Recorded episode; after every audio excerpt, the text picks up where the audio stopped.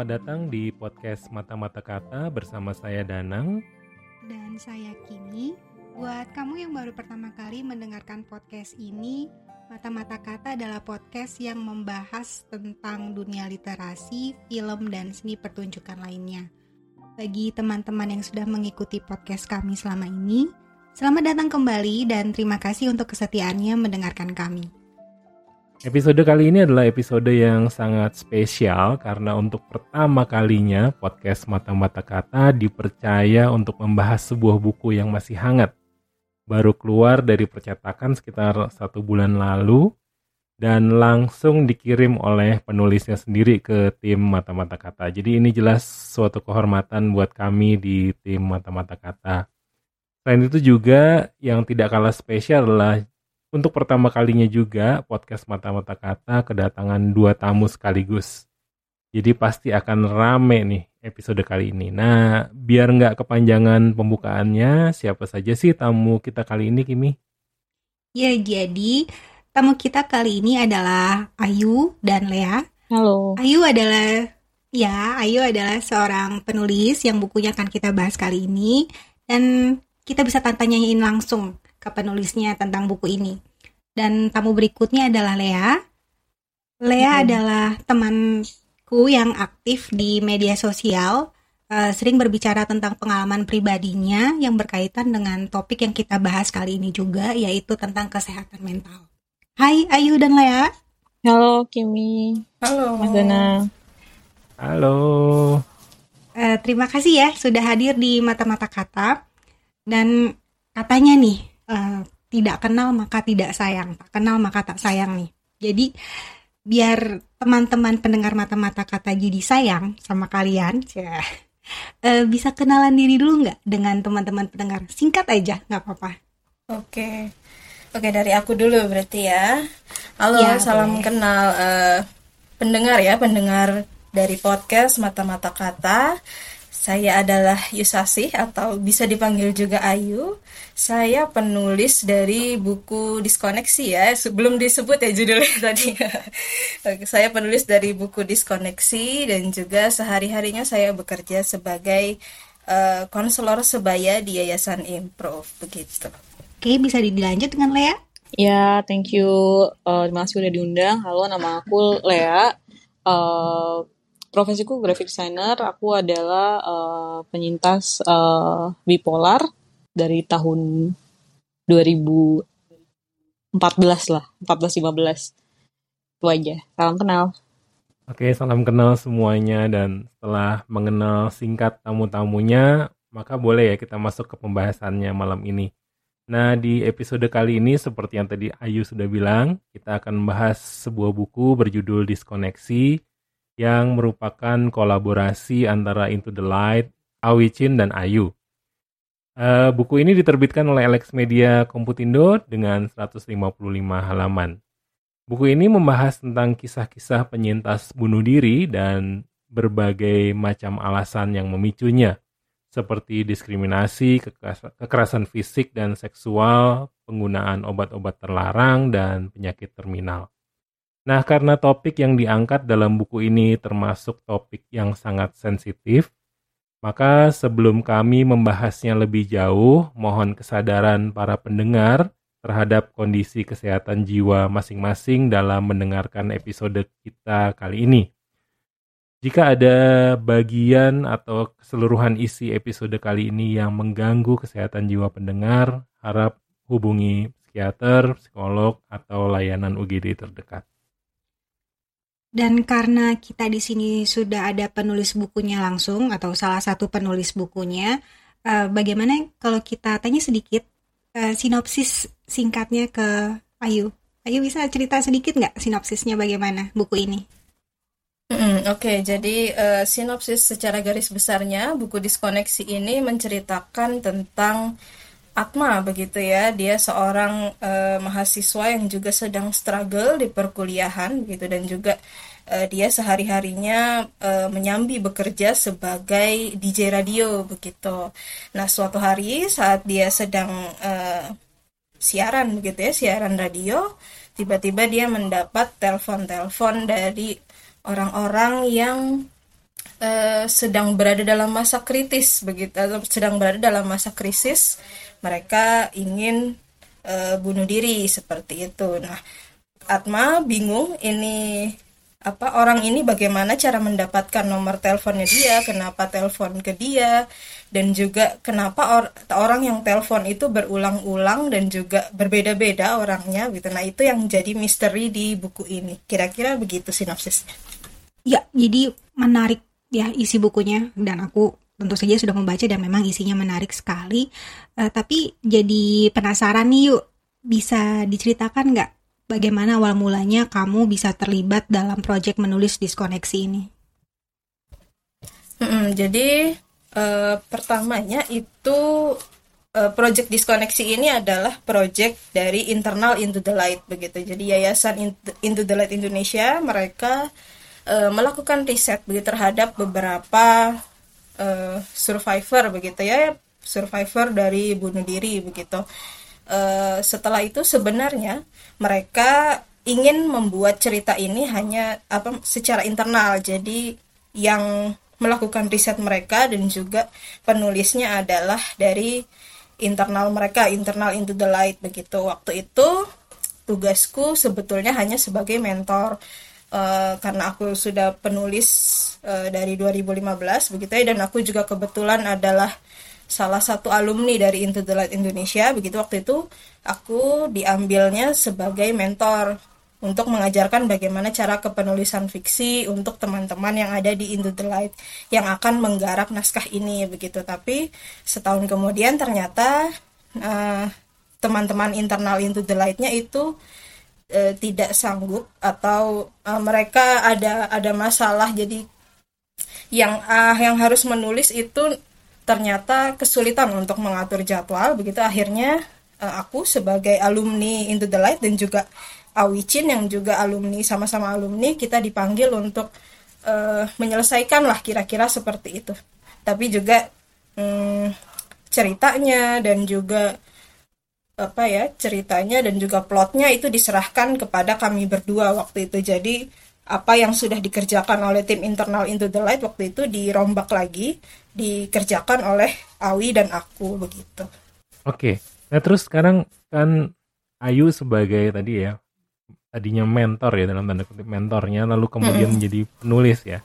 Mm -hmm. Nah dari sisi kreatifnya nih gimana sih e, bisa cerita nggak dari sisi kreatifnya? Kayak misalnya ya aku punya pertanyaan kenapa mm. yang dipilih kok penyiar radio? Kenapa dia mahasiswa? Nah model-model kayak gitu uh, bisa diceritain nggak sih Ayu? Jadi uh, waktu akhirnya diputuskan untuk naskahnya diserahkan ke aku dan Awi. Itu kita ber, uh, kita aku Awi dan juga uh, foundernya Into the Light yaitu Benny Benny Prawira itu dia uh, kita ngobrol nih ini uh, Benny cerita kalau oh ini udah ada naskah naskahnya atau uh, hasil risetnya sudah ada, tolong dibuat sebagai novel.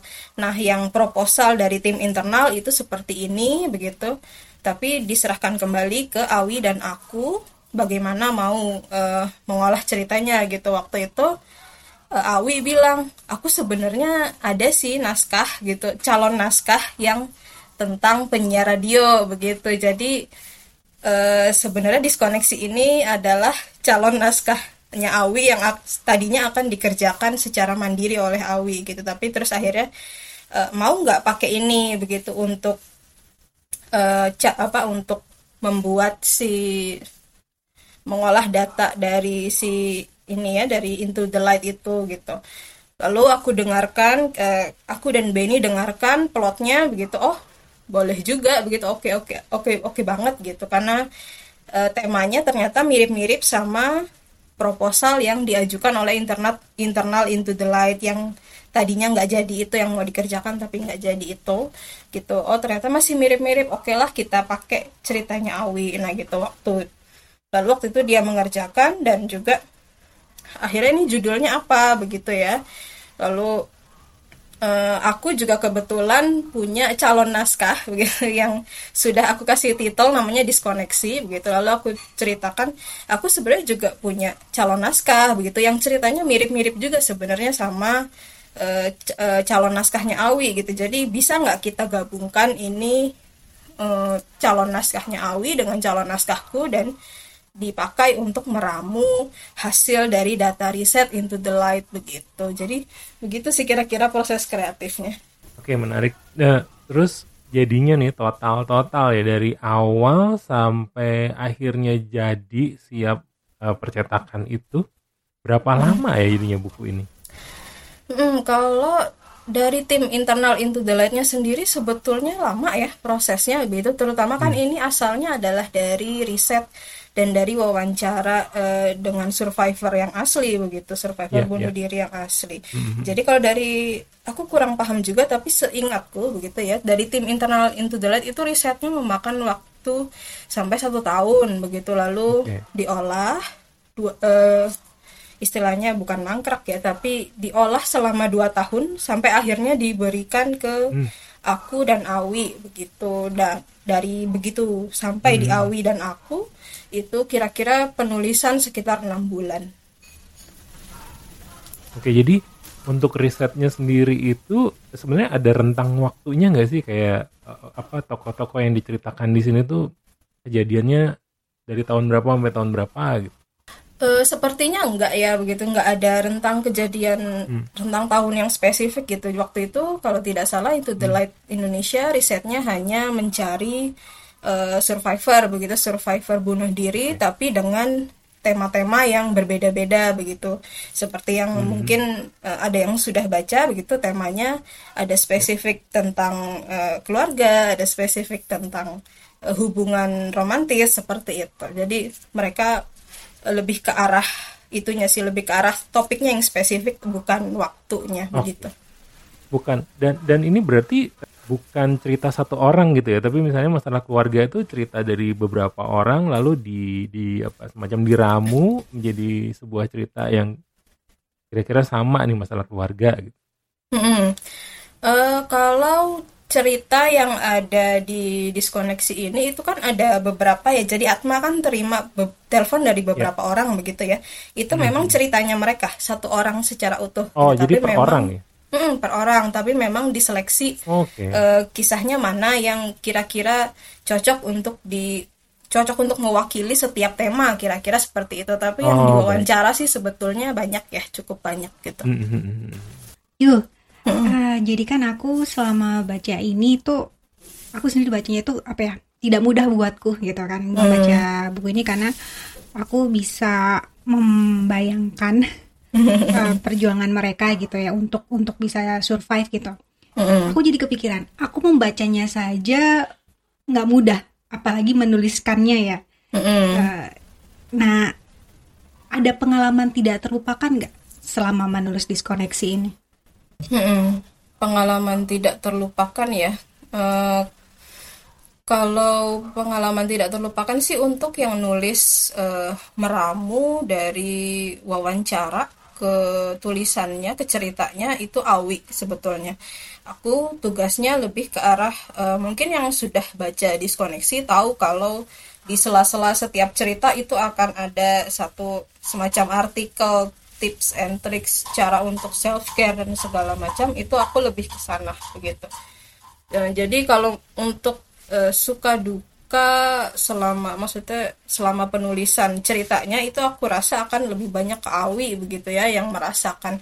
Tapi kalau pengalaman dariku sendiri sih uh, karena aku juga konselor ya sehari harinya gitu konselor sebaya jadi uh, waktu me menulis atau membuat uh, cerita ini tuh apa ya uh, jadi teringat lagi sama klien-klienku yang uh, di konselor sebaya waktu aku jadi konselor sebaya begitu. Karena kan mereka juga aku jadi refleksi juga begitu. Karena kadang uh, sebagai konselor kan kadang kita diceritain gitu ya sama orang. Cerita aku masalahnya seperti ini ini dan aku tuh panik banget kena anxiety dan aku juga suka cemas atau aku tuh depresi karena ini ini ini gitu.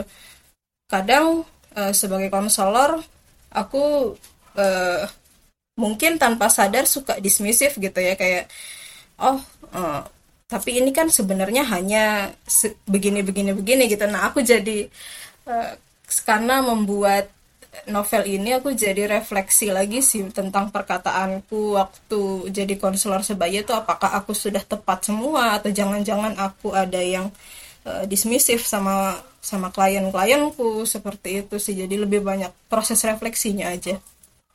Hmm. Oke, okay. uh, eh, berikutnya yuk mau nanya, aku ketika membaca buku ini merasakan ada unsur magical realismnya, benar nggak sih?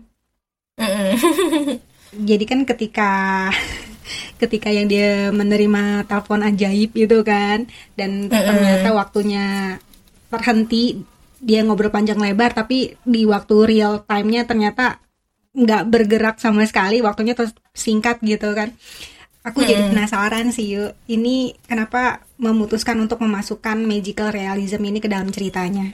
Nah, itu sebetulnya faktornya dua ya begitu. Karena yang pertama itu proposal dari tim internal Into the Light waktu itu memang cerita genrenya sudah genre hmm, realisme magis begitu. Waktu tapi waktu itu mereka proposalnya adalah menggunakan kafe begitu ya. Tapi kafe kan sudah sering dan kebetulan juga Awi dan aku uh, punya naskah magical realism juga begitu yang bisa dipakai begitu akhirnya kita pakai itu dan yang kedua itu karena uh, tadinya kita hanya mau cerita aja gitu kan cerita magical realism uh, si Atma di telepon gitu-gitu aja. Uh, tapi lalu dari pihak Alexnya sendiri itu meminta uh, tolong naskahnya ini jangan pure fiksi gitu tapi istilahnya semi fiksi begitu ya. Jadi ada ada yang cerita fiksinya tapi juga ada selipan-selipan non fiksinya begitu. Makanya tadi aku yang menulis bagian apa tadi bagian selipan-selipan self help self care-nya itu tadi begitu. Nah itu e, jadinya kita obrolin lagi ini enaknya gimana? Oh e, jadinya kita bentuklah itu dunianya. Jadi bukan hanya semata misteri cerita misteri Atma di telepon penelpon misterius begitu ya tapi juga sekaligus kita buat misteri dari dengan unsur realisme magis gitu. Oke, terus selanjutnya nih ada harapan khusus nggak sih ketika buku ini ditulis dan kemudian diterbitkan? Apa gitu harapan dari baik dari Ayu sendiri maupun misalnya Into the Light punya harapan sendiri dan Awicin mungkin punya harapan sendiri yang Ayu tahu? Hmm. Uh, kalau dari tim Into the Light Indonesia sendiri itu sebetulnya ingin membuat cerita ini itu sebagai bentuk apa ya bentuk edukasi kepada masyarakat luas begitu bahwa yang namanya orang dengan e, kecenderungan bunuh diri itu bukan karena spesifik masalah A atau B atau C tapi e, permasalahan untuk orang bisa terpikir untuk melakukan bunuh diri itu banyak. Dan kadang permasalahannya bisa berat tapi kadang juga permasalahannya bisa bagi orang lain terdengar sepele begitu. Jadi uh, tidak ada satu uh, titik spesifik begitu ya yang menyebab uh, yang bisa dikatakan bahwa oh uh, dia uh, punya kecenderungan bunuh diri karena uh, dia mentalnya lemah seperti itu. Misalnya tidak juga gitu karena kadang ada orang yang mentalnya kuat begitu tapi ternyata di mendapat beban yang uh, beban hidup yang berlebihan dan jadinya bisa juga begitu punya kecenderungan seperti itu begitu jadi uh, tujuannya sih lebih ke arah mengedukasi masyarakat begitu ya kalau yang namanya uh, bunuh diri itu tidak terjadi hanya karena faktor A, faktor B atau faktor C. Misalnya faktor O kurang pendekatan kepada agama gitu atau O karena ya salah sendiri karena kurang pengasuhan yang baik misalnya seperti itu. Tidak seperti itu uh, ada banyak uh, faktor, ada banyak alasan kenapa seseorang ingin atau memiliki kecenderungan bunuh diri begitu ya. Dan uh, yang penting adalah ketika kita melihat orang-orang di sekitar kita yang memiliki kecenderungan atau mengucapkan tanda-tanda atau menunjukkan perilaku mereka ingin melakukan bunuh diri, itu yang penting yang pertama harus kita lakukan adalah kita tanya dan kita mendengarkan tanpa judgement gitu sih. Oke yuk, uh, jadi kan uh, dari buku ini bisa dibilang isu yang diangkat kan sensitif ya, uh, hmm. penuh trigger warning lah gitu. Hmm. Kalau misalnya kita mau menulis dengan isu-isu yang sensitif seperti ini ada tipsnya nggak yuk?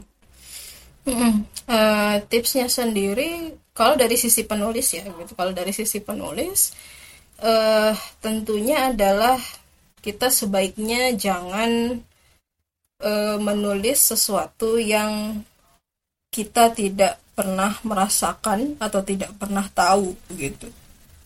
Tentu tidak apa, maksudnya tidak apa-apa begitu. Misalnya kita ingin menulis tentang topik bunuh diri atau topik tentang mental illness misalnya begitu. Tapi akan lebih baik kalau kita bukan hanya memberikan pengetahuan apa yang kita tahu begitu ya ke dalam tulisan, tapi juga sebaiknya disertai pula dengan wawancara kepada pihak-pihak yang memang mengalami hal tersebut begitu supaya mencegah terjadinya uh, romantisasi begitu ya romantisasi dari uh, mental illness dan juga mungkin uh, seperti kecenderungan bunuh diri kadang ada yang meromantisasi begitu. Itu salah satu caranya adalah kita jangan jangan hanya menulis apa yang kita kira kita tahu tentang uh, bunuh diri atau tentang mental illness yang lain yang lainnya begitu misalnya tapi akan lebih baik kalau penulis juga aktif bertanya dan aktif memperbarui pengetahuan begitu tentang uh, apa yang ingin ditulis begitu. Dan juga uh, penulis sebaiknya memberikan itu tadi trigger warning begitu supaya orang-orang bisa tahu kalau oh uh, buku ini akan membutuhkan misalnya kondisi mental yang sehat untuk bisa dibaca begitu. Karena kalau kita tiba-tiba langsung blar aja gitu nulis ternyata hal-hal yang sensitif begitu ya dan tidak diberi trigger warning takutnya nanti di tengah jalan kan ada yang sudah beli terus ternyata mereka ke trigger lalu mereka akhirnya menyesal gitu kan atau marah-marah gitu. Begitu. Jadi akan lebih baik kalau diberi trigger warning juga gitu. Kalau dari sisi pembacanya ya sebaiknya pertama sadar apa yang mau dibaca begitu. Uh, tentu tidak apa-apa. Misalnya uh, kita ingin membaca buku-buku atau novel-novel atau buku-buku non fiksi sekalipun yang menurut orang itu sedih atau pengalaman yang ada pengalaman-pengalaman yang menimbulkan emosi sedih begitu. Tidak apa-apa begitu. Selama hmm, selama pembacanya sendiri juga paham apa yang mau dibaca dan sudah mempersiapkan diri dengan uh, mentalnya masing-masing begitu sebelum membaca jadi dari sisi penulis sebelum kita menulis kata kun uh, kata kuncinya ya apa itu adalah harus riset riset yang betul uh, nggak perlu riset gitu yang ya. Mm, nggak perlu riset yang sulit-sulit atau yang terlalu panjang gitu kadang kita kan bisa hanya menceritakan kisah satu orang gitu tapi kan ketika memang itu kisah nyata maksudnya kisah dari orang itu sendiri gitu kan berarti hmm. kita tidak mengarang ya istilahnya. Kita tidak mengarang kita tidak meromantisasi. Begitu sih. Jadi kita paham betul apa yang e, kita tulis. Begitu. Enggak jangan hanya kita menulis dari pengetahuan kita sendiri atau dari baca. Begitu. Akan lebih baik kalau dari pengalaman orangnya langsung. Seperti itu. Nanya ke Ayu nih mumpung ada uh, Ayu ya Uh, jadi misalnya nih, karena aku dan Kimi juga sering menulis walaupun di blog kami masing-masing gitu. Uh, jadi sebenarnya ketika misalnya uh, ingin menulis hal-hal sensitif seperti ini, bunuh diri misalnya, uh, misalnya itu adalah cerita asli dari orang yang kami dengar sendiri gitu. Hmm. Apakah kami juga harus memikirkan bagaimana pembaca kami akan membaca ini? Dan misalnya lalu menghaluskan kata-katanya dan sebagainya. Hmm, betul, memang akan lebih baik kalau penulis bisa melakukan yang seperti itu, begitu ya. Jadi uh, pertama, uh, misalnya ingin sudah sadar ingin uh, menulis kisah topik-topik yang sensitif, begitu ya. Maka kita juga sebaiknya sebagai penulis paham juga begitu uh, bagaimana tulisan kita nanti dapat um, apa namanya mempengaruhi kondisi mental seseorang gitu kembali lagi bukan berarti tidak tidak boleh ditulis sama sekali bukan tapi uh, setidaknya kita aware gitu kalau ada kemungkinan orang-orang yang membaca ini akan ke-trigger gitu emosinya. Jadi ketika tulisan kita mengandung unsur-unsur sensitif, akan lebih baik kalau di atasnya atau di misalnya di blog begitu ya, di atasnya akan di, lebih baik ditulis uh, artikel ini mengandung uh, topik-topik sensitif seperti A, B dan C begitu. Jadi supaya pembaca saat mau apa mengeklik dan membaca tulisan itu sudah bisa paham begitu mereka apa yang akan disajikan kepada mereka begitu. Oke, okay, uh, eh, jadi kita sudah tanya-tanya ke Ayu sebagai penulis buku ini. Sekarang kita beralih ke Lea. Kita akan bertanya-tanya ke Lea uh, terkait uh, pengalamannya sebagai penyintas bipolar. Hai, Hai Lea. Ah, makasih lagi ya udah bersedia hadir meluangkan waktu. Eh, aku mau mau ini mau mau mau bilang sama Bayu, aku juga tadinya di Into the Light juga, aku ex volunteer. Oh, jadi kalian sesama Into the Light iya. bertemu di sini ya. Dunia memang kecil. Saling kenal nggak oh, nih sebelumnya? Udah lupa sih aku 2016 awal, cuma berapa bulan. Oh, oke okay, oke. Okay. Uh, jadi Le langsung ke pertanyaannya mm -hmm. aja ya. Jadi kan kita temenan udah yeah, lama yeah. nih Le dan dari aku ngikutin media sosial kamu juga udah lama mm -hmm. sekali. Dan yang dari aku baca dan selama dari kita berteman selama ini aku melihat kamu itu cukup terbuka dengan gangguan atau mental illness yang kamu yeah, derita. Yeah. Dan aku lihat uh, kamu juga cukup sering berbagi pengetahuan terkait penyakit mental. Maksudku, uh, kamu kenapa sih mau terbuka dengan uh, mental illness yang kamu derita? Mengingat di tem di masyarakat kita masih memandang penyakit ini dengan stigma negatif. Ya, jadi awalnya tuh dimulai saat aku uh, relapse depresi mayor ya, tapi waktu itu aku belum tahu itu depresi, aku belum ngerti.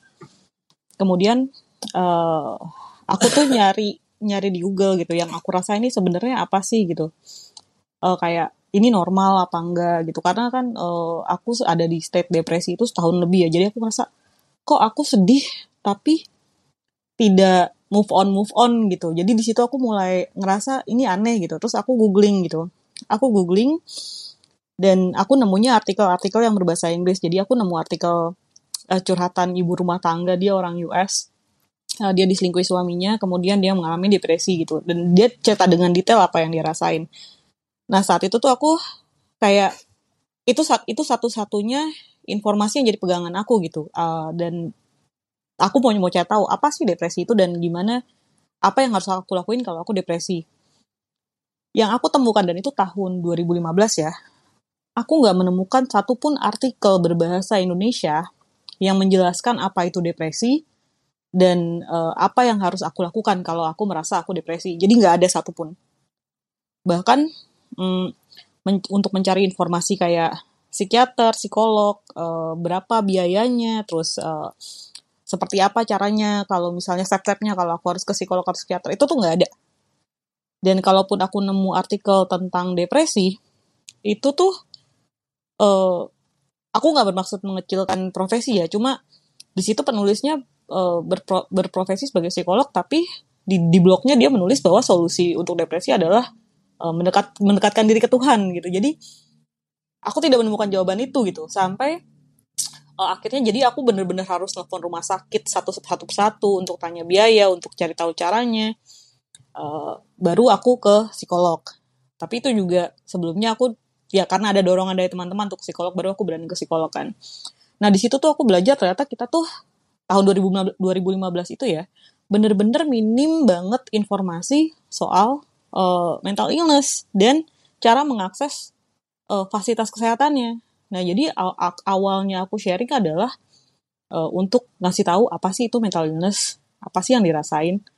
kemudian setelah aku udah berjalan ke psikolog setelah berapa bulan aku udah tahu oh oke okay, berarti ke psikolog harus seperti ini seperti ini seperti ini barulah aku berani share step-stepnya apa ke psikolognya tuh caranya gimana ke psikiater caranya gimana terus perkiraan biayanya terus kemudian informasi rumah sakit apa aja yang menyediakan uh, fas apa fasilitas kesehatan jiwa itu baru aku belakangan jadi aku perlahan-lahan lah. Jadi itu sih awal awalnya banget aku sharing tentang mental illness. Dan jujur soal stigma ya aku dari awal dari sebelum aku tahu aku sakit mental uh, aku sudah oversharing di internet karena itu uh, pengaruh dari depresiku. Jadi aku kehilangan kontrol kehilangan cara berpikir logis bahwa tidak semua hal perlu di share di sosial media. Jadi dari awal aku sebelum tahu aku punya mental illness pun ketika aku kehilangan kontrol dalam memposting atau men-sharing pengalaman dan perasaanku ke sosial media aku sudah mendapat stigma. Aku dianggap lebay drama segala macam jadi kebetulan pas saat itu ketika aku mulai tahu aku ternyata memang benar depresi dan uh, aku ingin sharing aku sudah nggak mikirin stigma karena aku udah sudah dicap dengan stigma itu. Jadi kayak ya ya sudah lah gitu. Terlanjur bahasa mendingan aku sekalian uh, bantu orang ke informasi yang benarnya daripada hanya sekedar uh, apa ya sharing keadaan emosional aku gitu oversharing daripada sekadar oversharing mendingan sekalian aja aku bagi informasi itu sih awal mulanya aku kan kan belum pernah ya ngelihat uh, media sosial hmm. kamu boleh nggak sih rupanya rupanya kan banyak informasi penting nih rupanya di media oh. sosial kamu termasuk salah satunya misalnya gimana caranya menghubungi psikolog psikiater yeah. dan sebagainya boleh nggak sih dibagiin nama media oh, sosial oh, iya. kamu apa aja uh, uh, aku sharingnya di Twitter at mcngdgn. Uh, konsonan semua. mcn gdgn konsonan semua. Itu akun Twitterku. Blognya okay. tuh di uh, coba mungkin kalau blog agak personal jadi aku nggak ada tulis trigger warning sih waktu itu. Jadi kalau di blog okay. di macangadungan.com macangadungan.com iya. oke. Okay. dan kalau di Twitter tadi uh, boleh diulang di lagi? at mcngdgn Oke, nanti kita akan tulis, tulis juga, ya, mas, ya di akun media sosial kita juga nanti kita akan mention ya. Lea juga ya. Oke Lea, uh, jadi kan tadi kita sudah bahas hmm. sedikit tuh tentang buku yeah, iya, diskoneksi. Yeah, menarik ya. Uh, ya, ya, jadi uh, di sini kita melihat bahwa ada sosok Atma yang dia mau mendengarkan orang-orang random yang nelpon dia dan bilang ingin bunuh diri, gitu kan dan dia hanya dengan mendengarkan cerita hmm. orang-orang hmm. tersebut dia menyelamatkan nyawa hmm. mereka gitu kan dan ini bisa dibilang support system ya meskipun support sistemnya dari orang hmm. asing gitu kan dan kita tahu kalau support system itu penting dan tapi buat kamu seberapa penting support system itu dan kalau boleh tahu bagaimana kamu bisa mendapatkan support system yang kamu punya sekarang dan manfaatnya apa sih dari support system tersebut yang udah kamu punya? Ini pertanyaannya rombongan nih banyak banget ya. Apa, apa. Jadi ini uh, mungkin jawaban aku nggak bisa mewakili semua orang yang uh, apa mengidap penyakit mental ya. Cuma kalau buat aku support system itu penting banget. Uh, salah satu gejala uh, aku ya gejala aku waktu itu adalah uh, aku menarik diri dari orang-orang gitu kan. Tapi di saat yang bersamaan saat aku ingin menarik diri dari orang-orang, aku juga merasa sangat-sangat kesepian. Bener-bener kayak aku nggak punya siapa-siapa dan aku nggak tahu harus ke siapa. Situlah untungnya memang aku dari awal kan memang punya teman-teman kan. Jadi pada akhirnya beberapa di antara mereka itu yang uh, akhirnya menjadi support system aku gitu. Mereka melihat dengan mata kepala sendiri kalau aku tuh berubah gitu. Aku berubah kemudian aku tertekan kemudian aku uh, terlihat lah aku sedih berlebihan gitu kan. Nah mereka lah yang jadi support system aku gitu yang nemenin aku yang dengerin aku cerita. Dan di saat yang bersamaan juga jadi kalau walaupun kita punya support system kalau di aku ya aku pun tetap merasa bersalah sama teman-teman aku sendiri. Kayak kok aku dragging mereka ke situasi aku? Jadi akhirnya aku berusaha menambah pertemanan gitu. Aku reach out ke orang-orang lain aku gabung komunitas. Jadi aku berusaha untuk tidak menyusahkan circle aku yang uh, inner circle yang kecil ini gitu. Jadi aku menambah menambah lagi orang yang bisa jadi support system aku gitu. Nah, ya itu caranya itu aku bilang dengan ikut komunitas, dengan reach out ke teman-teman aku yang tadi yang ada deket-deket banget, terus uh, aku curhat ke mereka dan surprisingly ada satu dua orang yang uh, genuinely mau dengar, genuinely mau nemenin gitu. tapi kalau misalnya tanya cara dapetnya gitu menurut aku tuh support system bukan sesuatu yang otomatis kamu gain ketika kamu ada dalam suatu, suatu masalah. Tapi support system itu ada ketika kamu sendiri ngasih effort yang sama ke teman-teman kamu. Kamu ada buat mereka mereka akan otomatis ada buat kamu. Jadi memang sometimes kamu perlu minta bantuan gitu. Kamu yang harus reach out ke orang-orang. Tapi mereka tuh sebenarnya semuanya semua orang-orang ini semua orang yang support system ini tidak punya kewajiban untuk jadi support system kamu sebenarnya. Itu yang harus kamu ingat dulu gitu. Mereka tuh nggak wajib jadi support system kamu. Jadi kalau dalam kondisi aku aku akan bilang aku punya support system karena semuanya based on dari memang dari awal pertemanan kita udah pertemanan yang uh, udah tulus gitu. Jadilah mereka ada. Kemudian dengan orang-orang yang aku reach out ketika mereka udah ada buat aku ya aku bales. Aku juga jadi support system mereka ketika mereka butuh seseorang gitu tapi ya itu dari mindsetku udah udah aku tanemin mereka tidak wajib untuk jadi support system aku. Jadi ini semua aku akan bilang ini based on kebaikan hati dan kepedulian mereka sebenarnya not from me gitu. Itu sih yang aku bisa bilang. Oke jadi kalau gitu apa yang barusan kamu jelasin bisa disimpulkan juga ya buat orang buat orang-orang atau teman-teman di luar sana yang tidak atau belum memiliki support system yang harus mereka lakukan salah satu caranya adalah mereka reach out. harus reach out. Uh, harus reach out atau seperti yang kamu tadi juga bilang apa ikut yeah, komunitas betul. begitu ya mencari teman baru yeah. gitu kan ya. Oke okay, oke. Okay. gimana Mas Dedang lanjut. Nah itu menarik sih. Jadi kalau misalnya kayak Lea reach mm -hmm. out ya. Terus kan hmm, misalnya aku dan coba tahu Kimi juga gitu ya uh, sebagai orang awam yang misalnya di di reach out oleh uh, teman-teman yang sedang membutuhkan support system. Kira-kira ada nggak sih do's and don'ts yang harus ya harus kami tahu gitu? Ada lah pasti ada. Tapi uh, ini aku disclaimer ini dari sudut pandang aku ya. Karena mungkin mungkin uh, kalau orang lain akan akan punya uh, sudut pandang yang beda lah kalau dari aku hmm. sih, aku mulai dari don'ts-nya ya, karena ini yang paling, maksudnya paling sering dilakukan orang-orang. Yang pertama tuh jangan ngejudge. Biasanya paling paling sering itu dijudge. Misalnya kamu depresi karena putus misalnya, itu pasti bukan pasti ya, tapi nggak nggak jarang kamu dijudge kayak ah lebay banget sih, bucin banget sih. Jadi itu ya, oh, iya gitu betul aja, ah gitu, gitu aja ya. gitu. Itu yang yang harus paling dihindari. Jangan ngejudge kemudian jangan berasumsi jangan berasumsi misalnya uh, oh mungkin kamu begini misalnya karena uh, kamunya yang udah terlalu banyak pengorbanan atau kamunya yang misalnya uh, lemah. Jadi, jangan berasumsi lah. Atau sebenarnya ada kejadian yang lebih berat daripada ini cuma kamu nggak mau cerita gitu. Jangan berasumsi. Jadi kamu dengerin aja. Kemudian hmm. nomor tiganya nih salah satu yang paling sering dilakukan juga itu adalah toxic positivity. Nah uh, jadi kayak udah masalah gitu aja pasti akan selesai kok suatu hari. Atau kamu yang semangat dong kamu yang ceria dong. Itu itu itu sama aja kalau buat aku ya. Itu sama aja kayak menyuruh misalnya nih mau maaf nih misalnya kamu menyuruh orang stroke untuk bangun lagi gitu. Kan kita tidak mungkin mengatakan itu kepada seorang yang menderita stroke kan. Ketika orang stroke dan tidak bisa, bisa bergerak kamu tidak mungkin bilang ayo dong tangannya digerakin pasti bisa kok. Asal kamu mau pasti bisa. Kan kita tidak mungkin mengatakan itu kan Hal yang sama juga hmm. sebenarnya berlaku kepada penderita mental illness ketika mereka sedang depresi atau sedang uh, cemas. Kamu nggak bisa bilang shake it off atau udah lupain aja nggak usah dipikirin. Itu hal yang hampir nggak mungkin dilakuin sebenarnya. Itu susah, susah banget. Jadi itu tiga hal yang paling sering dilakukan dan sebaiknya jangan selalu dihindari sama hmm, jangan dibandingin dengan penderitaan orang lain baik penderitaan kamu sendiri atau masalah kamu sendiri atau dengan masalah orang lain yang lebih berat gitu jangan bilang kayak ini si A dia oh, masalahnya lebih berat tapi dia ceria-ceria aja. Itu jangan jangan dilakukan. Itu adalah empat hal yang menurut aku paling pantang untuk dilakukan. Nah kan tadi yang udah sebaiknya jangan dilakukan nah untuk yang hal yang sebaiknya dilakukan menurut aku yang pertama adalah mendengarkan. Tapi ingat kamu tidak wajib mendengarkan ketika kamu sendiri tidak siap secara mental atau kamu lagi banyak pikiran. Jadi kalau memang kamu willing untuk melakukan itu bagus. Bukan berarti itu wajib ya. Tapi ya itu mendengarkan keluhan mereka.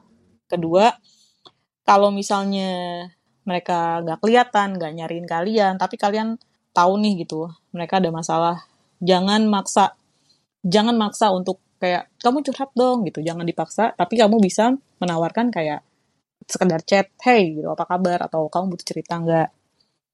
Terus udah gitu kamu bisa telepon sekali.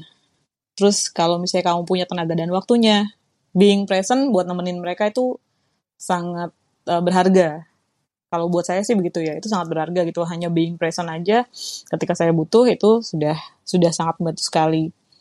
Dan uh, mungkin uh, salah satu dus yang paling pentingnya adalah ketika kamu memang care, kamu searching dulu, kamu cari tahu apa yang mereka rasain. Kalau misalnya mereka bilang gitu, oh, oh aku merasa depresi, kamu cari tahu aja depresi itu apa.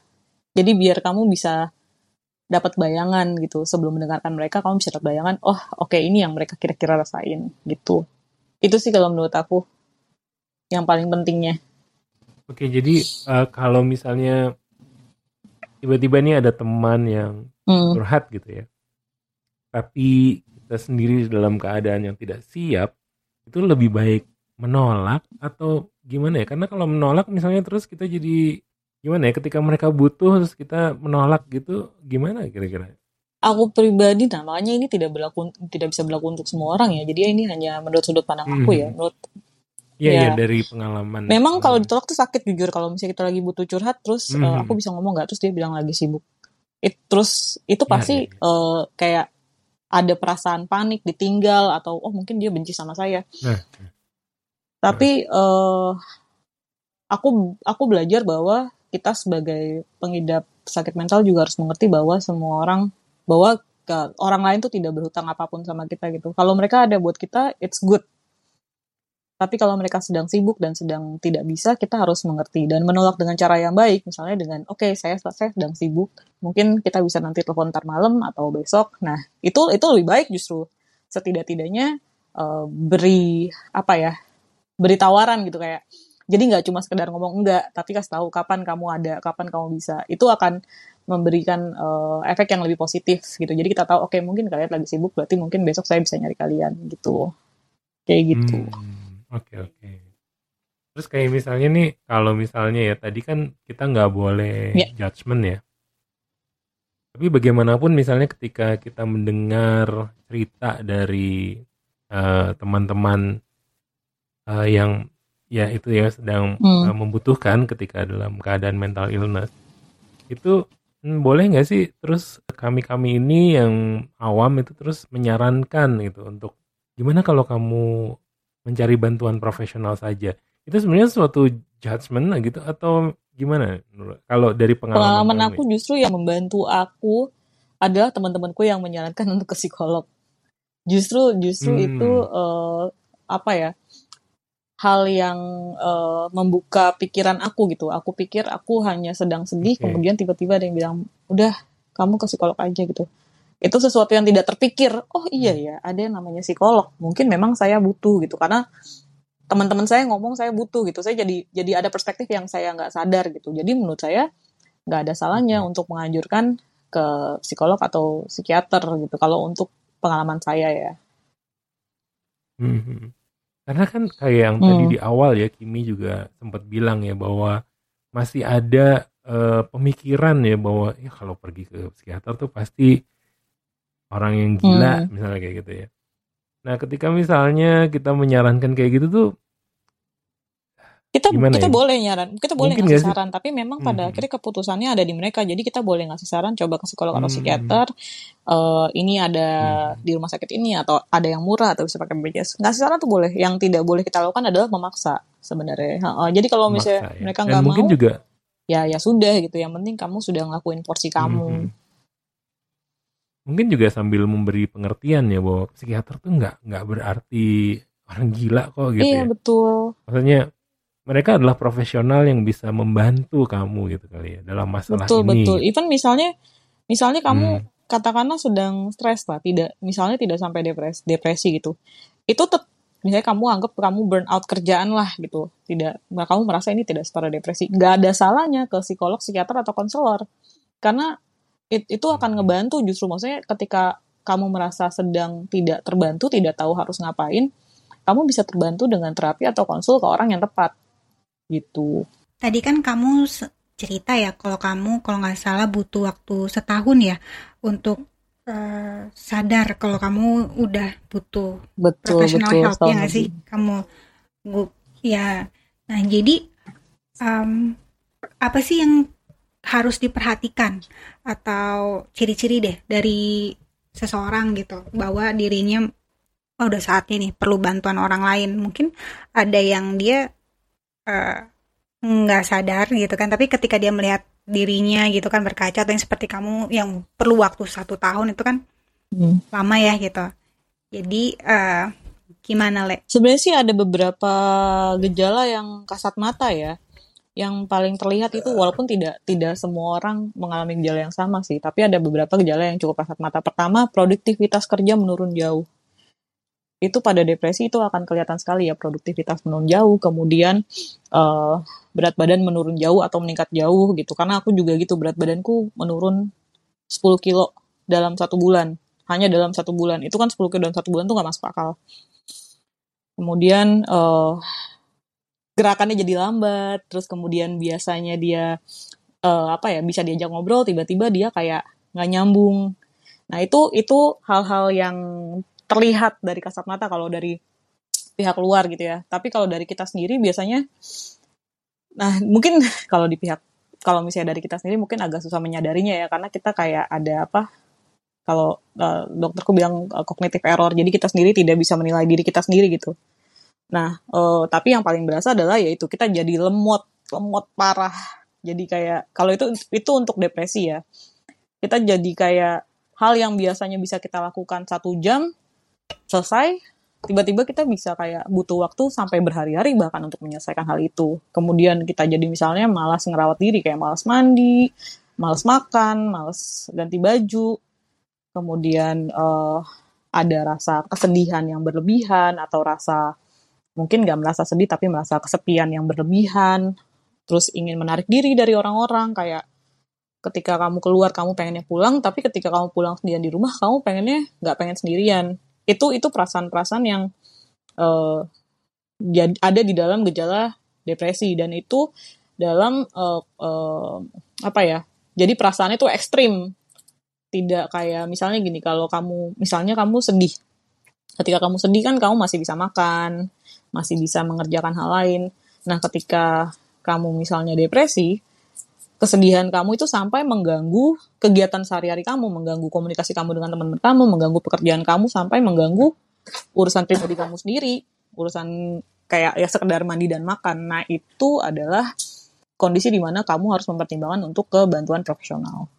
Uh, Oke, okay. dan itu kan uh, memang kita um, kalau sudah hmm. mengalami gejala tersebut sebaiknya mencari bantuan iya. profesional ya, Le. Tapi uh, tidak jarang kita melihat dia sadar bahwa dirinya ada yang salah gitu kan dalam dirinya, tapi dia masih enggan untuk atau menahan diri untuk mencari bantuan profesional. Itu biasanya penyebabnya apa sih, Le? Nah, kalau untuk ini aku nggak bisa mewakili orang-orang dengan kondisi yang sama seperti aku ya gitu. Aku hanya bisa bisa menceritakan based on pengalaman aku.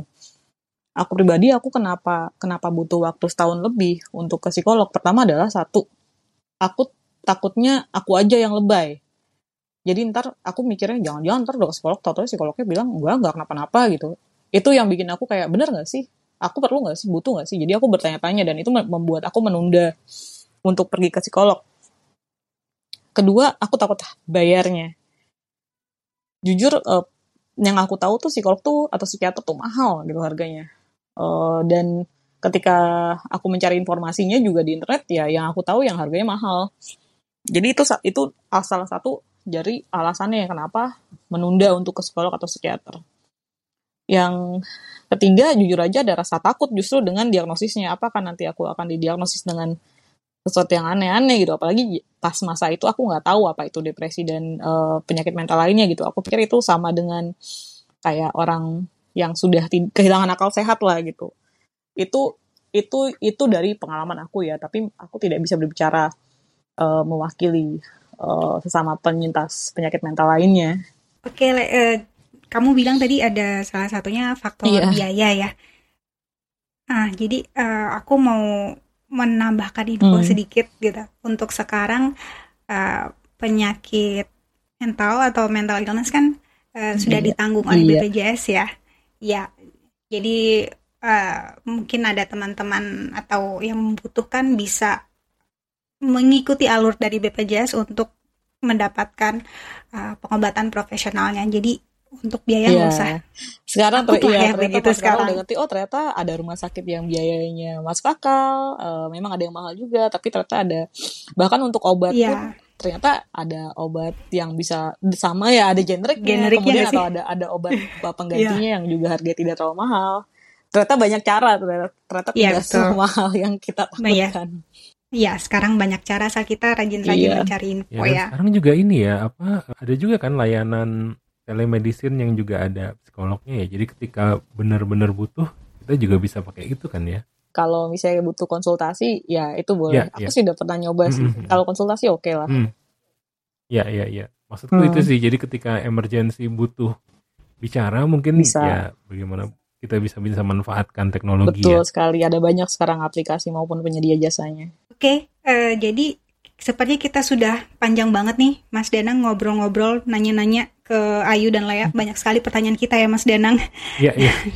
dan dari yang bisa kita simpulkan dari obrolan kita kali ini adalah bahwa salah satunya bahwa support system itu sangat penting buat penderita penyakit atau gangguan mental. Dan dari ngobrol-ngobrol dengan Ayu dan Lea tadi, uh, aku personally bisa belajar untuk menjadi atma di kehidupan nyata. Harapannya juga sih uh, teman-teman pendengar mata-mata kata juga bisa menjadi atma-atma yang lain. Dan ya mental health itu bukan isu yang sepele. Dan tadi seperti yang Lea bilang juga, kita bisa belajar untuk lebih peduli, less judging, dan lebih aware dengan keadaan orang-orang di sekitar kita untuk bisa tahu ciri-ciri mereka yang sedang butuh, yang sedang butuh bantuan itu seperti apa dan apa yang bisa kita lakukan untuk mereka. Hal sekecil apa pun yang kita lakukan bisa sangat berarti dan bisa menyelamatkan nyawa seseorang. Ada yang mau ditambahkan, Lea dan Ayu? Dari aku udah, makasih Ki, makasih dan makasih Mbak Ayu. Ntar aku beli bukunya. Kalau dari aku, uh, ya uh, terima kasih juga mata-mata kata gitu ya sudah uh, membuat platform ini untuk aku dan Lea bicara. Lea juga bagus banget penjelasannya. Aku setuju banget dengan apa yang semua uh, Lea ceritakan tadi begitu ya. Gitu. Jadi terima kasih banyak atas kesempatannya. Semoga uh, ada yang tertarik untuk baca diskoneksi gitu ya dan semakin aware dengan apa namanya tanda-tanda atau uh, bagaimana ciri-ciri orang-orang yang membutuhkan bantuan dan kemungkinan sedang struggle begitu uh, untuk atau untuk mempertanyakan kehidupannya sendiri atau maksudnya sedang kesusahan gitu lah tolong di reach out mereka mereka ini begitu. Ya semoga dengan membaca diskoneksi jadi semakin paham ciri-cirinya atau tanda-tandanya begitu ya. Terima kasih Terima kasih juga Ayu dan Lea sudah menyempatkan hadir di mata-mata kata. Jadi buat para pendengar, ini buku diskoneksi bisa ditemukan di toko buku terdekat. Ada versi digitalnya nggak Ayu? Oh ya, ah, buku diskoneksi sudah ada versi digitalnya. Jadi kalau ada teman-teman yang uh, berlangganan Gramedia digital ya itu sudah ada di sana bisa dibaca juga di sana jadi nggak mesti beli ini ya beli fisiknya gitu oke okay, terima okay. kasih sekali lagi untuk Ayu dan Lea sudah menyempatkan diri hadir di mata-mata kata dan dari ngobrol-ngobrol kita kami dan semoga pendengar semua mendapatkan ilmu yang banyak dari kalian. Terima kasih buat teman-teman semua yang sudah mendengarkan episode ini sampai habis. Jangan lupa untuk membagikan podcast Mata-Mata Kata dan ikuti akun media sosial Mata-Mata Kata. Kami ada di Twitter at podcast Mata Kata, di Instagram at Mata-Mata Kata, dan di page Facebook di Mata-Mata Kata. Kami juga bisa dihubungi via email di podcast mata-mata kata at gmail.com. Sampai jumpa di episode Mata-Mata Kata selanjutnya.